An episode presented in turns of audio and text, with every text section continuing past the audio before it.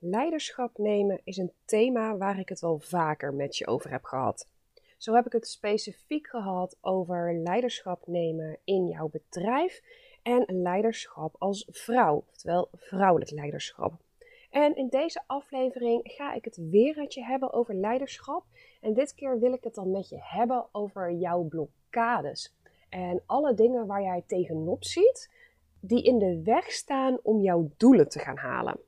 Voordat ik er echt induik, even een kleine disclaimer. Normaal gesproken heb ik een hele mooie podcastmicrofoon waarmee ik mijn podcasts opneem. Maar op dit moment ben ik in Nederland op vakantie slash werktrip. En dat betekent dat ik nu aan het opnemen ben met gewoon een ouderwetse koptelefoon aan een draad met een microfoontje. En ja, de kwaliteit zal dus iets minder zijn, maar hopelijk vergeef je het me. En over een paar afleveringen zijn we weer terug bij de mooie kwaliteit leiderschap nemen over blokkades of dingen die fout kunnen gaan. Waar heb ik het dan over? Nou, als jij een doel voor jezelf hebt gesteld wat jij wilt gaan halen. Denk aan een bepaalde omzet. Misschien wil jij gaan werken naar een omzet van 20.000 euro per maand. En jij ziet op weg naar het doel, naar het realiseren van die omzet, denk je, ja, maar hoe dan?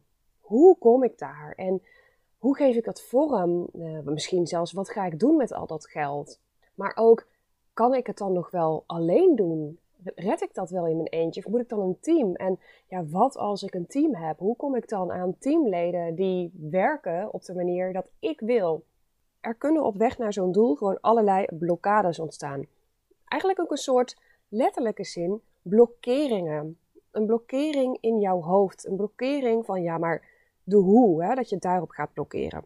Maar ik heb het ook over doelen, zoals ik wil meer vrije tijd. Ik wil minder uren gaan werken. Als dat nou jouw doel is, stel dat jij nu zit op 50, eh, 60 uur per week werken. En jij zegt ja, eigenlijk zou ik maar 20 uur per week willen werken. Ook dan krijg jij te maken met blokkades, met blokkeringen. Want jij denkt waarschijnlijk, ja, maar hoe? Hè, dan komen we weer bij de hoe. Hoe ga ik dat realiseren? Ik werk nu drie keer zoveel. Ik wil mijn klanten nog steeds goed blijven helpen. Ik vind al mijn klanten leuk. Ik vind alles wat ik doe, vind ik leuk. Ik haal overal voldoening uit. Ik haal overal plezier uit. Dus hoe ga ik dat doen? Hoe zorg ik er dan voor dat ik mijn bedrijf nog steeds voer en inricht op de manier die bij mij past, maar dat ik wel kan na die 20 uur per week werken, zonder dat ik uh, eh, 10 man moet gaan aansturen, bijvoorbeeld. Maar wat natuurlijk ook een rol kan spelen, is dat je dan denkt, ja, dan ga ik veel minder verdienen. Dan komt er veel minder binnen. Terwijl dat is een gevolgtrekking die je doet, die niet per se waar hoeft te zijn. Want je kunt met 20 uur net zoveel of meer verdienen als dat je nu met 60 uur doet. Maar het is iedere keer jouw hoofd dat redenen bedenkt, dat oh, oh, wat er allemaal fout kan gaan. En dat zet jou in een soort, ja, hoe zal ik het omschrijven, gespannen positie ik merk het wel als ik dit inspreek, dat ik gewoon mijn schouders aanspan. En dat ik daar al in een soort staat kom van een verstijvingsstaat. En dat zorgt ervoor dat als jij gaat denken aan die doelen van jou, aan die dromen, dat je, het niet, dat je niet weet hoe. Dat je daar bang van wordt en dat je denkt: het is zo'n ver van een bedshow. En dit is zo onhaalbaar en zo onwerkelijk. En er zijn zo gigantisch veel obstakels die ik daarvoor moet overwinnen voordat ik dat doel kan gaan realiseren. En daar, over die obstakels, wil ik het dus met je hebben. Want ik denk dat het allemaal best wel meevalt. En hoe kan ik dat zo zeggen? Dat komt omdat jij vanaf het punt waar jij nu staat, kijk jij naar een ideaal beeld dat nog best wel ver van je af ligt. Maar hoe kom je daar? Dat is door kleine stapjes te zetten. Door rust te gaan, één voor één naar voren te gaan. Weet je, zo is het ook net als met een marathon lopen.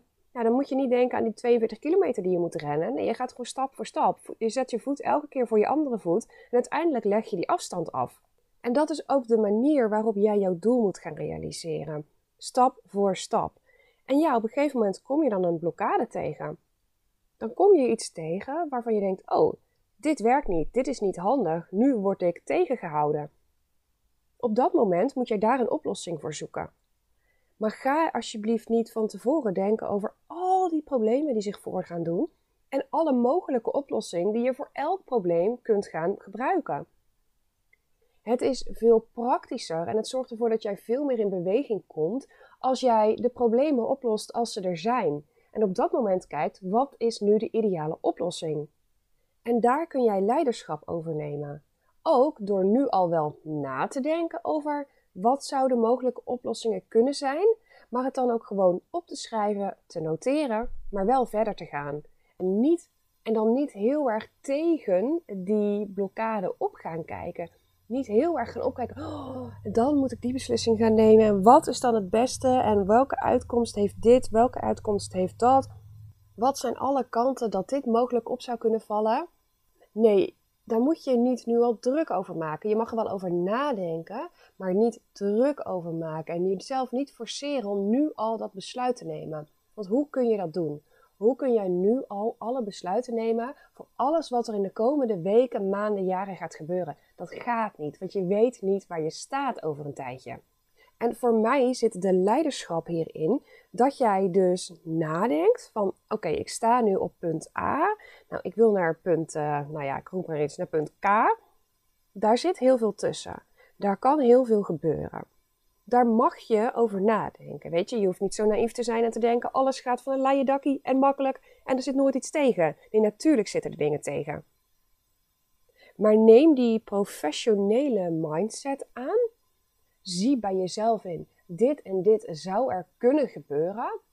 Denk eventueel al na over oplossingen, over manieren, zodat je dat niet in de heat of the moment moet gaan beslissen, maar vervolg vervolgens wel je pad. En zorg dat je die back-up hebt van die oplossingen, dat je dat weet hoe je ermee omgaat. Dus als je daar al over na hebt gedacht, wordt de angst daarvoor ook minder. Dus dan heb je zelfs kans dat je er gewoon doorheen fietst zonder er last van te hebben. Maar het feit van goed voorbereid zijn en dan aan jouw reis gaan beginnen, is zo ontzettend waardevol. En dat maakt dus dat jij leiderschap neemt over jouw groei, over jouw doelen halen, over dat wat er bij jou in de weg kan staan. Dat geeft jou een zelfverzekerd gevoel. Dat geeft jou een goed voorbereid gevoel. Dat geeft jou het gevoel: ik kan dit. Ik kan dit gewoon voor elkaar gaan krijgen. In plaats van eng, groot, moeilijk, alles wat tegen zit, laat maar, ik blijf wel waar ik ben. Want er zit een drive in jou. Er zit een ambitie in jou. Jij wilt dat doel halen. Anders zou je dat doel niet stellen. Grijp in dat aspect ook altijd even terug naar je why. Hè? Waarom, waarom doe ik wat ik doe? Wat is de reden dat ik ben gaan ondernemen? Wat is de reden dat ik dit doel zo graag wil halen? Faciliteert dat voor jou een hele hoop vrijheid? Faciliteert dat voor jou vrijwilligerswerk gaan doen wat jij zo graag wilt doen, maar nu geen tijd voor hebt? Wat is die waarom dat jij doet wat je doet? Het thema leiderschap nemen vind ik dus een heel erg belangrijk en groot thema.